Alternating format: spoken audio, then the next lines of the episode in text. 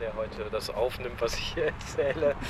Ähm, naja, also wir stehen jetzt hier an der Rampe in Ibiza. Das ist auch noch der originale Ort hier, wo das stattgefunden hat. Es gibt ein Foto von dem Bahnhof Ibiza, das sehen wir hier. Dieser Bahnhof. Ähm, Izbica w powiecie krasnostawskim. Jest prawie południe, środek tygodnia. Ruch na krajowej 17 przecinającej miasteczko jest intensywny. Przy obiektach handlowych i usługowych widać wielu mieszkańców. Jesteśmy na peronie kolejowym tuż obok drogi. Jesteśmy tu z grupą z Niemiec i em, co rok e, jedziemy tu i odwiedzimy te były niemieckie obozy zagłady. Berzec, Sobibor i Treblinka. Jeden punkt, który odwiedzimy jest też e, były getto tranzytowe Izbica i zaczynamy odprowadzanie tu na rampie w Izbicy. To znaczy najpierw byliśmy w Lublinie, przy tym byłem obozie stare lotnisko, się nazywa Alter Flugplatz po niemiecku i to był taki pierwszy punkt, e, gdzie pociągi na przykład z Rzeszy zatrzymały się i tam obrabowali ludzi też i dopiero potem zdecydowano dokąd te pociągi trafiły. Jeśli tu do Izbicy, to był ten punkt, gdzie pociągi zatrzymały się, które tam przyjechały z różnych krajów, z Czech, Słowacji, z Austrii i z Niemiec. I też była taka mała grupa deportowanych z Luksemburgu zresztą, które trafiły tu do Izbicy. To był ostatni punkt dla nich, bo ludzie tu zostawili. To znaczy, że oni byli tu i mieszkali tu przez jakiś czas, przez być może trzy miesiące, czasem trochę krócej, czasem trochę dłużej, ale nie wiadomo jak długo. Nie ma żadnej dokumentacji. I często jest tak w Niemczech, ludzie nie wiedzą, co się stało z krewnymi, bo oni wiedzą tylko Izbica, nic więcej. I dlatego pisałem między innymi książkę o tym, bo um, są takie pytania dla ludzi. No? I często są też takie stolpersteine na przykład w Niemczech, gdzie jest napisane Izbica. To nie tylko Izbica, jest też Piaski i na Bežice, są inne miejscowości też tu w tym rejonie, ale e, właściwie ta wiedza o tym, co się stało, jest bardzo mała.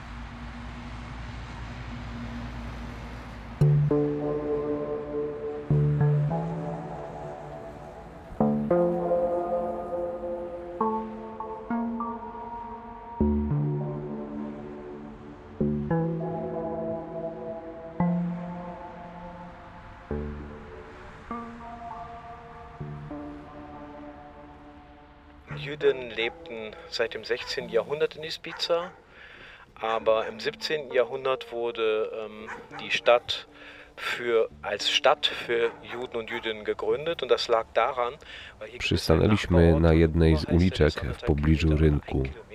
Stefan opowiada o bogatej historii Izbicy, o rozwoju miasteczka. Das heißt, hier war später dann ja auch die Bahnlinie, aber diese Hauptstraße, die führt ja hier von Warschau, Lublin Richtung Lemberg auch. Also es ist eine wichtige Straße gewesen. Und hier war dann auch zweimal in der Woche Markt und so. Das war ein sehr lebendiger Ort, würde ich sagen. So, jetzt gehen wir mal da rein, weil da müssen wir nicht immer da die Pause machen. Ihr habt das gesehen hier. Izbica to było właściwie typowe żydowskie sztetl. Przed wojną mieszkało tu 90-95%, może 5 tysięcy Żydów i to dlatego nie ma kościoła dotąd tu, co jest być może też wyjątkowe w Polsce. I być może dlatego też wybrali Niemcy wtedy jako getto tranzytowe um, Izbice też. Okay, dann würden wir jetzt weitergehen und gehen ein Stück in diese Richtung. Stefan Henschen od ponad 20 lat jest członkiem stowarzyszenia Bildungswerk Stanisław Hans. Bildungswerk można dosłownie tłumaczyć jako pracę edukacyjną. Nazwisko z kolei upamiętnia jednego z polskich Żydów, który przeżył Auschwitz i w latach 90. nawiązał współpracę ze stowarzyszeniem. Wspólnie organizowali wyjazdy w miejsca związane z Holokaustem i kultywowali pamięć o ofiarach. Po śmierci Stanisława Hanca w 2008 roku Bildungswerk kontynuuje te działania. My nazywamy też ten wyjazd zapomniane obozy. To jest prawda, bo Beżec na przykład to nazwy prawie nikt nie zna w Niemczech. To jest zapomniana historia, można powiedzieć. Organizujemy takie wyjazdy też na Litwę, na Ukrainę, do Oświęcimia, do Łodzi. My chcemy pokazać ludziom, co naprawdę się działo. I przez ten kontakt e, z ocalałymi też chcemy przekazać, co oni nam opowiedzieli. To jest też ważną częścią naszej działalności, odczytać na przykład, co mówili o tych miejscach, bo 180 tysięcy ofiar na przykład to nic nie mówi, ale jeśli jest historia jednej osoby, to możemy poznać w inny sposób też, co się stało.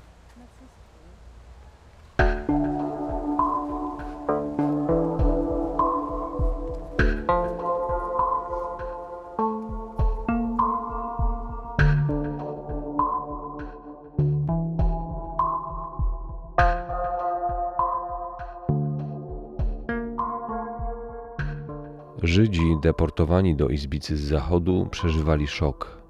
Stefan przytoczył kilka świadectw opisujących brutalne zderzenie z realiami tranzytowego getta. Między innymi wspomnienie Szczepanki Fischerowej z protektoratu Czech i Moraw. Do Izbicy dotarliśmy 1 maja w straszliwej śnieżycy. O 6 rano wypędzono nas z wagonów. Nasze bagaże musiały być na peronie w ciągu 5 minut w brudzie i odchodach. Następnie zaprowadzono nas do miasta. Izbica to prawdziwy koszmar.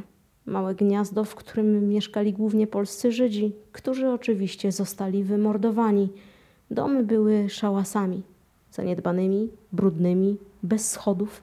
Ulice były grzązawiskiem. Dla nas, którzy pochodziliśmy z zupełnie innego środowiska, obrzydliwością i horrorem.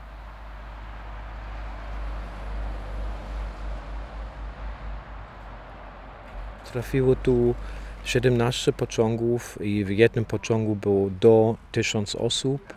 Tylko z Niemiec było tu 7,5 tysięcy. Do 22-3 tysięcy Żydów przeszło przez Izbicę i prawie wszyscy mali zginęli tu w Izbicy albo w tych e, obozach zagłady Beżec i Sobibór, albo na Majdanek, albo w różnych obozach pracy. Nie wiemy tego dokładnie. Na końcu było to tak, że getto tranzytowe to nie było dla Żydów e, zagranicznych, też z różnych gett tu w okolicy, na przykład Zamoszcza. Rozwiązali tam getto i pędzili wszystkich 22 km na piechotę do Izbicy w październiku 1962 roku. I to było też 2000 osób, ale też z Gorzkowa, z Żukiewki, z różnych innych get. I oni spędzili też jakiś czas tu i potem trafili do tych e, niemieckich obozów zagłady. To jest w miarę duża liczba i to jest bardzo mało znane. To jest ważna część naszej podróży, że w ogóle odwiedzimy też Zbice z tego powodu.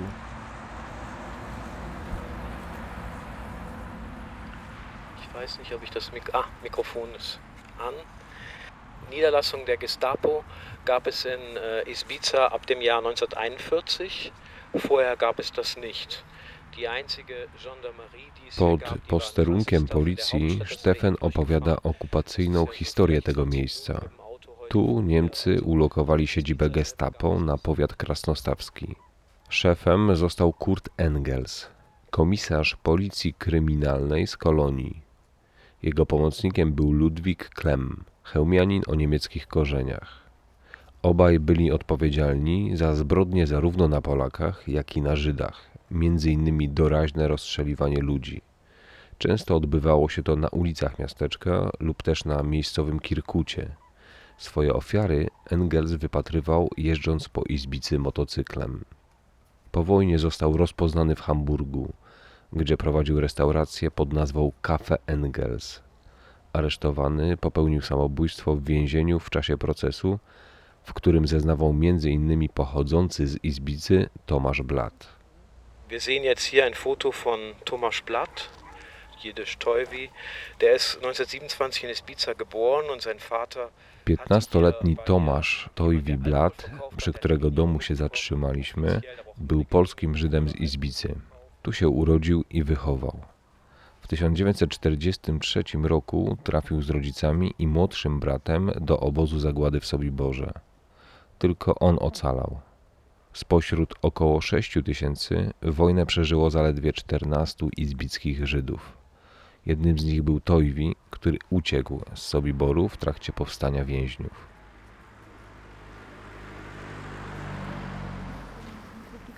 Dla nas to jest też ważne nie tylko odwiedzić te miejsca zagłady, ale też brać udział w upamiętnieniu tu.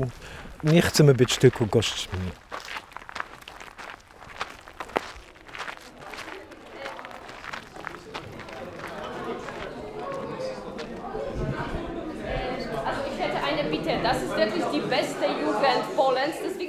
Jesteśmy w szkole podstawowej w Izbicy. E, Proszę bardzo, słuchajcie, tutaj macie troszkę miejsc, tutaj też są miejsca, więc, więc siadajcie proszę. Ich heiße Steffen Henschen, komme aus Berlin. Wir sind heute hier mit einer Gruppe von 27 Menschen aus ganz Deutschland. Nazywam się Stefan Henschen, jestem z Berlina i jesteśmy tutaj dzisiaj z grupą e, 27 osób z całych Niemiec. Und äh, wir freuen uns sehr, dass wir dieses Jahr, wie jedes Jahr, wieder hier in die Schule kommen können und ähm, von Ihnen, von euch herzlich empfangen werden. I cieszymy się, że w tym roku, podobnie jak każdego roku, mogliśmy przyjść tutaj do szkoły i zostaliśmy tutaj przez Państwa, przez Was, jak zwykle dobrze przyjęci. Deswegen möchte ich mich erstmal bedanken bei Anja und auch bei Jacek, dem Direktor der Schule, dass wir hier sein können. E, Dlatego najpierw chciałbym podziękować Ani i Jackowi, dyrektorowi szkoły, za to, że mogliśmy tutaj być. Und natürlich auch bei euch, dass ihr gekommen seid, um ein bisschen zuzuhören. E, Ale też Wam chciałbym podziękować za to, że tutaj jesteście, przyszliście, żeby troszeczkę posłuchać. Wir haben hier so ein kleines gemeinsames Projekt in diesem Klassenraum. E, My mamy taki mały, wspólny projekt tutaj, w tej klasie, w tej sali. Das ist der Erinnerungsort an das äh, jüdische Izbica. To jest takie miejsce pamięci żydowskiej Izbicy. Wir versuchen und jedes Jahr kommen wir und bringen neue Biografien von äh, Menschen, die hier im Jahr 1942, also schon vor 81 Jahren, nach Izbica deportiert wurden. I my tutaj próbujemy i w zasadzie za każdym razem przywozimy ze sobą nowe biografie osób, które trafiły do Izbicy w roku 1942, czyli już 81 lat temu. Das sind dann immer so kleine Büchlein und äh, da gibt es dann auf Polnisch und auf Deutsch diese Texte, die ähm, wir nicht geschrieben haben, sondern Menschen, die mit diesen Personen verbunden waren. Tutaj mamy takie książeczki, które za każdym razem też zostawiamy i to są biografie po polsku i po niemiecku i to nie są teksty, które my napisaliśmy, tylko które napisały osoby związane z tymi ludźmi deportowanymi do Izbicy. Wir haben heute zwei Biografien mitgebracht. Die würden wir jetzt, das heißt Florian würde die kurz ähm, präsentieren und die Personen, damit wir die kennenlernen, wer das ist kurz. Dzisiaj przywieźliśmy ze sobą dwie biografie i teraz Florian zaprezentuje te osoby po to, żebyśmy mogli te osoby poznać. Amalia und Gustav Reichmannsdorfer. Das ist Ravensdorf. Gustaw urodził się w 1878 roku w niewielkiej miejscowości Trabelsdorf w Bawarii, w żydowskiej rodzinie. Po ukończeniu szkoły pomagał ojcu prowadzić handel bydłem, a po śmierci ojca kontynuował interes. W 1910 roku ożenił się z Amalię Dingfelder i niedługo potem urodziło się dwoje dzieci, najpierw Cincy, potem Heinrich. Powodziło im się. Gustaw nie tylko handlował bydłem, ale też udzielał kredytów drobnym rolnikom.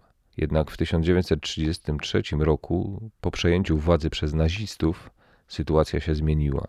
Antysemityzm wśród społeczności rósł. W 1938 roku odebrano Gustawowi prawo do prowadzenia działalności. Kilka tygodni później członkowie nazistowskiej bojówki SA wyciągnęli go z domu i zaciągnęli siłą do synagogi, gdzie został pobity i upokorzony.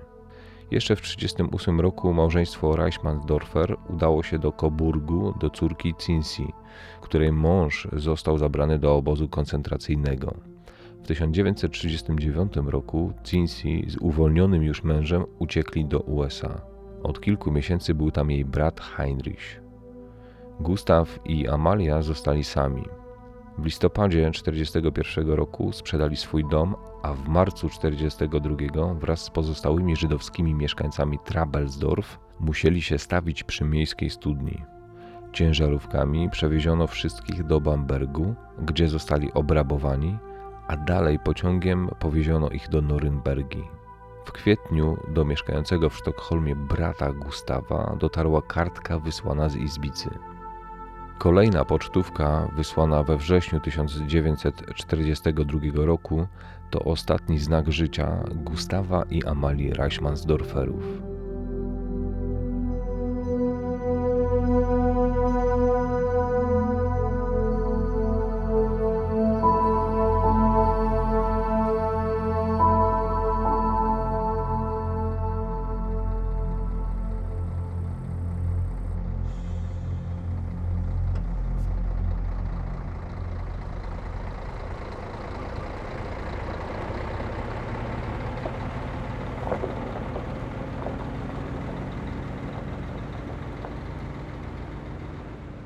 Spotykamy się w miejscowości Sobibór Stacja, gdzie zlokalizowany był niemiecki nazistowski obóz zagłady, a dziś znajduje się muzeum i miejsce pamięci. Jest początek jesieni, a wokół jeszcze zielono. Słoneczny, ciepły dzień. Trudno się oprzeć wrażeniu kontrastu między pięknymi okolicznościami przyrody i historią tego miejsca. Stefan przyznaje, że podoba mu się ta okolica. Bywał tu nawet na wakacjach. Jeździłem rowerem, jest taki szlak, który się nazywa Green Velo i e, mi się podobało. Ja zawsze jeżdżę na rowerze i to jest moje wakacje zawsze i to jest piękna przyroda tu, ale każde miejsce ma swoją historię. Przeraża mi też, że w ogóle nie tylko to było tu, to było też na północy, na Litwie, to było na Ukrainie, to było bardziej na południu i Niemcy popełnili takie pff, straszne rzeczy. Nie wiem, jak to było możliwe. Do końca nie wiem. Ja próbuję to rozumieć, ale w mojej rodzinie mam szczęście, że w ogóle że nie mam takich oprawców, ale to jest być może wyjątkiem nawet, bo większość tych rodzin ma. Nie rozumiem tego, że tak masowo się stało. No.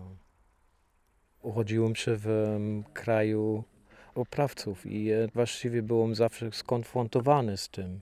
Pytałem moją babcię na przykład, czy głosowaliście na NSDAP i ona opowiedziała, nie można tak pytać. To był już jako dziecko ważny temat dla mnie i mi się wydaje, to jest bardzo ważne też nie zapomnieć ale jeśli chodzi o fakty, jak to było na wschodzie, tu w Polsce, to nic nie wiedziałam dokładnego. No i więc e, kiedy pierwszy raz tu um, pojechałem z um, Bildungswerk Stanisław Hans, byłem w szoku. Płakałem.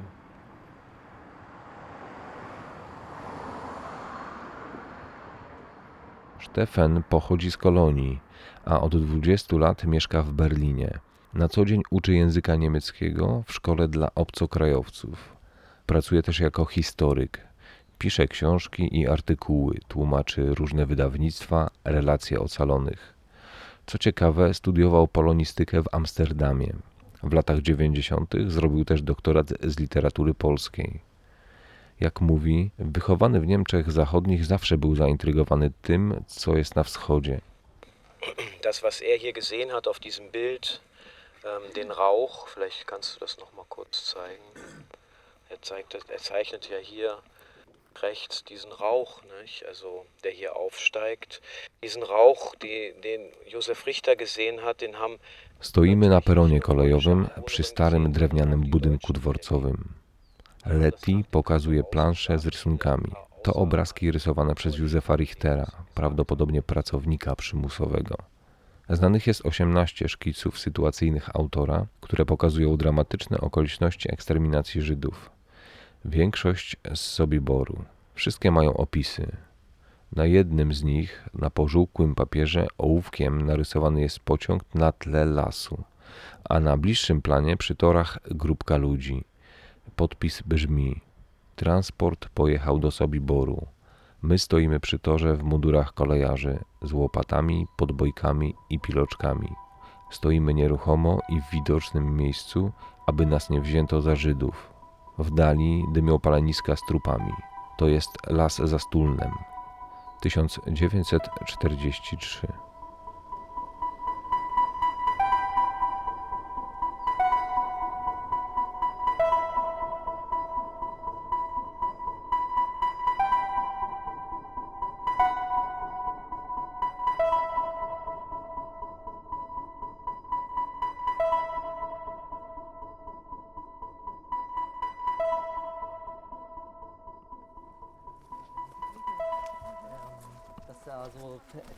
Boden sind, also dass man sozusagen sehen kann, da das kennen, wo das da wurde gebuddelt. Ergänzung. Na wyjazdy edukacyjne zazwyczaj decydują się emeryci, którzy byli zainteresowani tematem i dopiero teraz mają czas, żeby go zgłębiać. Przyjeżdżają pracownicy muzeów czy instytucji historycznych, ale też młodzi ludzie reprezentujący ruch antyfaszystowski. W Niemczech nie jest tak możliwe to widzieć tak jak tu, bo Niemcy tak specjalnie robili, że nie robili tego w Niemczech, tylko poza krajem, w innym kraju. Mi się wydaje, to jest bardzo ważne, że oni mogą zobaczyć, jak blisko publiczności oni to robili, bo często tak po wojnie się mówiło, że to takie ukryte miejsca, tajemne miejsca i nikt nie wiedział o tym, ale jeśli tu przyjeżdżają, to widzą, że tak nie było. Wszyscy to wiedzieli i widzieli też. I to jest taka wielka różnica. I dla mnie osobiście to było tak samo. Ja w szkole nic nie słyszałem o akcji Reinhardt na przykład. I ja pierwszy raz tu, kiedy przyjechałem, ja jako tłumacz tu przyjechałem na początku. Mi bardzo się podobało, jak to robili z naszego stowarzyszenia. To jest taki inny sposób bliżać się do tematu, iść do miejsc, gdzie to się stało właśnie. Okay, wir stehen jetzt hier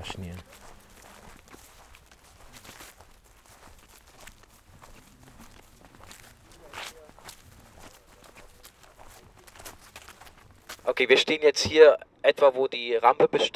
Stoimy na rampie kolejowej w Sobiborze. Na tak zwanym przedpolu postawiono baraki dla strażników oraz załogi SS. Obóz pierwszy był przeznaczony dla selekcjonowanych i zmuszanych do pracy żydowskich więźniów. W obozie drugim ulokowano magazyn na zrabowane rzeczy Żydów, a obóz trzeci stanowiły komory gazowe. Tam również chowano ciała zamordowanych. 1 kwietnia 1943 roku w biuletynie Armii Krajowej napisano Od 10 marca znowu jest czynny obóz śmierci w Sobiborze. Przywożą tam teraz Żydów z Holandii i Francji. Żydzi ci jadą w osobowych wagonach i są przekonani, że wywożą ich na roboty do fabryk przemysłu wojennego na wschodzie. W niedzielę 14 marca Żydów holenderskich witano w Sobiborze nawet orkiestrą. Na drugi dzień już żadnego z nich nie było przy życiu.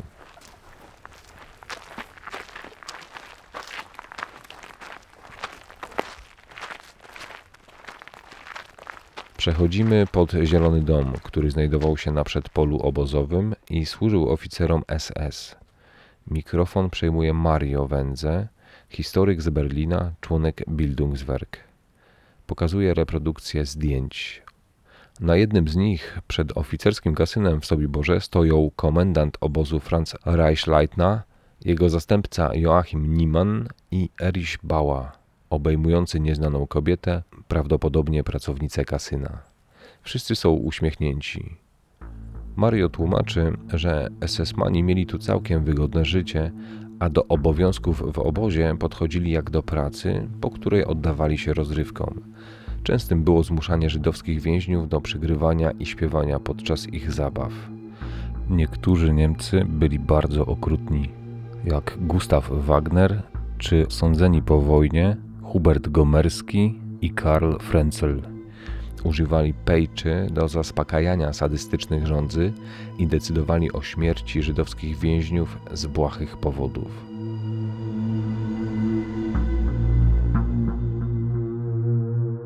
Tymczasem Stefan przytacza relację Reginy Zielińskiej-Feldman, polskiej Żydówki z siedliszcza koło Chełma, która uciekła podczas powstania w Sobiborze i przeżyła wojnę.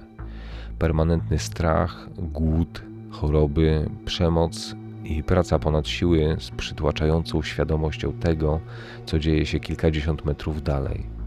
Nie każdy wytrzymywał jako trybik w zautomatyzowanej fabryce śmierci, szczególnie gdy sortując przedmioty uśmierconych, zobaczyło się ubrania lub biżuterię kogoś bliskiego. Wielu więźniów odbierało sobie życie, zanim zrobili to Niemcy.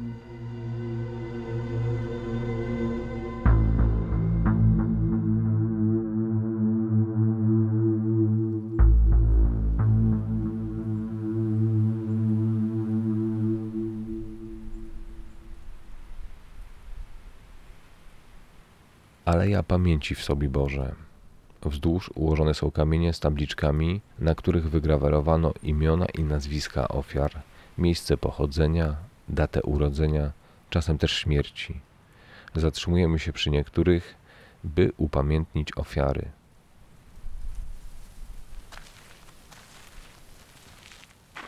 Leni Falk wurde am 28. September 1933 in Goch, einer Kleinstadt an der deutsch-niederländischen Grenze, geboren. Leni Falk urodziła się 28 września 1933 roku w Goch, małym niemieckim miasteczku przy granicy z Holandią. Jej rodzicami byli Erna i Walter. Ojciec prowadził na rynku sklep z odzieżą męską i chłopięcą. Jako mała Żydówka nie mogła uczęszczać do przedszkola ani szkoły. 8 listopada 1938 roku widziała, jak miejscowa synagoga stanęła w płomieniach. W noc pogromu mieszkanie Falków zostało przeszukane przez nazistów. Przewrócono nawet wózek lalki Leni. Następnego ranka jej ojciec został aresztowany, a cztery dni później wysłany do obozu koncentracyjnego w Dachau, z którego został zwolniony dopiero kilka miesięcy później. W międzyczasie Erna zorganizowała ucieczkę córki do wuja w Holandii. Sąsiad, Niemiec z holenderskim obywatelstwem, przewiózł dziewczynkę przez granicę na stację kolejową w Boxmeer w grudniu 1938 roku. Tam kupił jej bilet i zawiesił na szyi pięcioletniej dziewczynki tabliczkę z napisem Proszę, pomóż temu dziecku, miejsce docelowe Lejuarden. Od tego momentu Leni mieszkała z rodziną wujka Izaaka, który wyemigrował do Holandii już w 1936 roku. Tutaj spełniło się jej pragnienie, by pójść do szkoły. Początkowo uczęszczała do szkoły podstawowej, a później przeniosła się do szkoły żydowskiej. Leni szybko nauczyła się języka niderlandzkiego i pisała listy do rodziców, czasami załączając zdjęcia. W maju 1940 roku niemiecki Wehrmacht najechał Holandię, co zmieniło sytuację rodziny wuja Leni. Ciotka Herta pisała do matki dziewczynki. Leni pomaga nam przezwyciężyć przygnębienie. Jej słoneczna natura oczywiście nie widzi jeszcze żadnych trudności. Wczoraj Leni miała szczególnie dobry dzień. W porze obiadowej jedliśmy placki ziemniaczane, po południu poszła na lekcję religii, którą bardzo lubi, a wieczorem jedliśmy rzepę, która, jak mówi, jest jej ulubionym daniem. Rodzice Leni zostali aresztowani już 10 grudnia i rozpoczęła się dla nich długa i straszna podróż przez różne niemieckie obozy pracy i obozy koncentracyjne.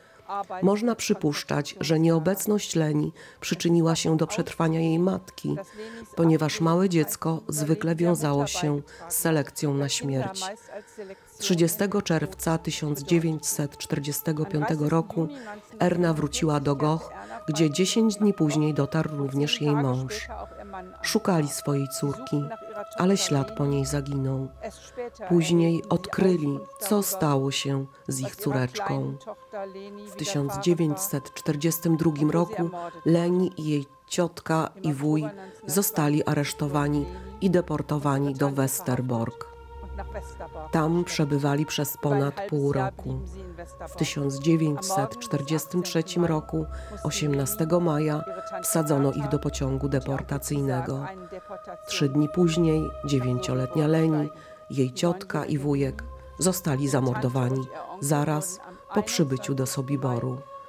Kamień upamiętniający Leni został podarowany przez szkołę podstawową w Goch, która nosi jej imię. Der Gedenkstein für Leni wurde von der Realschule Goch gestiftet, die Lenis Namen trägt.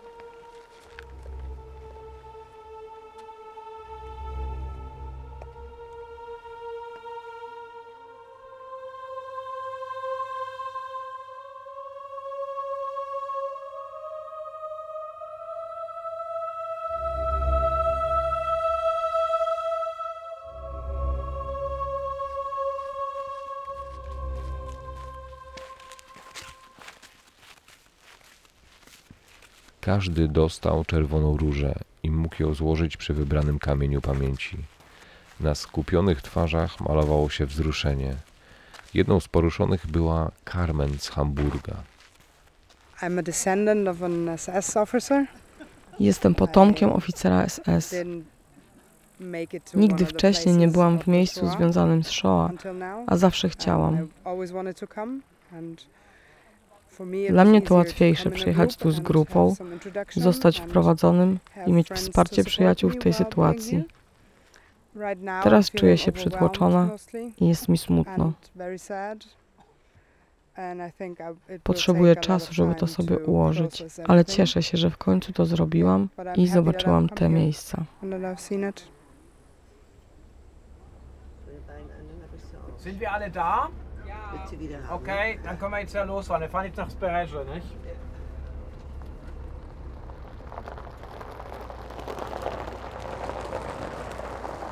Szacuje się, że w Sobiborze zamordowano około 180 tysięcy osób. Połowa ofiar to Żydzi polscy. Pozostała to osoby pochodzące z państw okupowanych przez III Rzeszę. Wśród ofiar były także grupy Romów. 14 października 1943 roku w obozie wybuchło powstanie. Zabito kilku członków SS i strażników. Udało się zbiec około 300 więźniom. Według różnych danych od 40 do 70 z nich przeżyło do końca wojny. Idziemy do lasu i tam jest miejsce, gdzie zginęło 8 osób. Sześć od nich byli uciekinierzy z Sobiboru. Po powstaniu uciekli tu. Niemcy z Grenzschutz, Straż Graniczną wtedy. Oni zabili ich, rozstrzelali ich i oprócz tego są jeszcze dwóch Żydów, którzy jeszcze mieszkali tu w Espererze i e, jednocześnie też rozstrzelali ich. I wiemy to, bo świadek, który żył tu przez całe życie, opowiadał, on był chłopcem i on był tu w okolicy, bo miał krowy i musiał paść te krowy tu w okolicy i następnego dnia to podchodził i widział ten grób, ten piasek i wtedy nie było tego lasu jak dzisiaj. No, zaraz będzie widać też taka drewniana macewa i my jako Bildungswerk położyliśmy też dwa kamienie tam, gdzie jest napisane, co się stało. Na tym miejscu, zobaczysz zaraz. Wir sind jetzt im Wald bei dem kleinen Ortschaft Speresche und wir stehen hier, weil im Oktober 1943 sechs Menschen erschossen und verscharrt wurden, die aus der Mordstätte Sobibor beim Aufstand geflohen sind. Powstanie było jednak bardzo udane. Potem już była likwidacja tego obozu. Tak nie było na przykład w. Tam dalej mordowali. I też w Oświęcimiu było powstanie i też e, dalej zabili ludzi. To jest naprawdę wielkim sukcesem, mi się wydaje, tego powstania. Miałem jeszcze okazję poznać ocalałych. Poznałem Tomasza Blata i to zawsze, co oni mówili, robiło wielkie wrażenie to jest też moje zadanie być może to przekazać.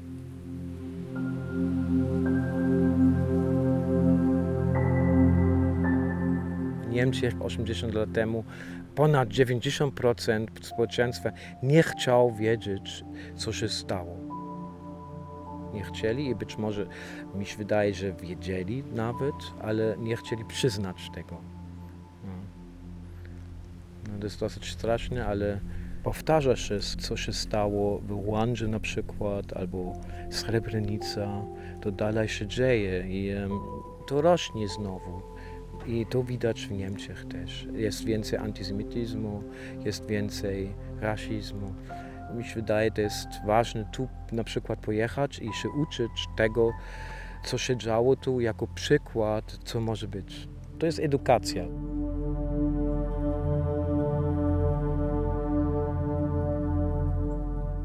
Chcę się angażować, chcę robić e, rzeczy, które mają sens i ja w tym jestem w stanie działać i to jest ważne dla mnie.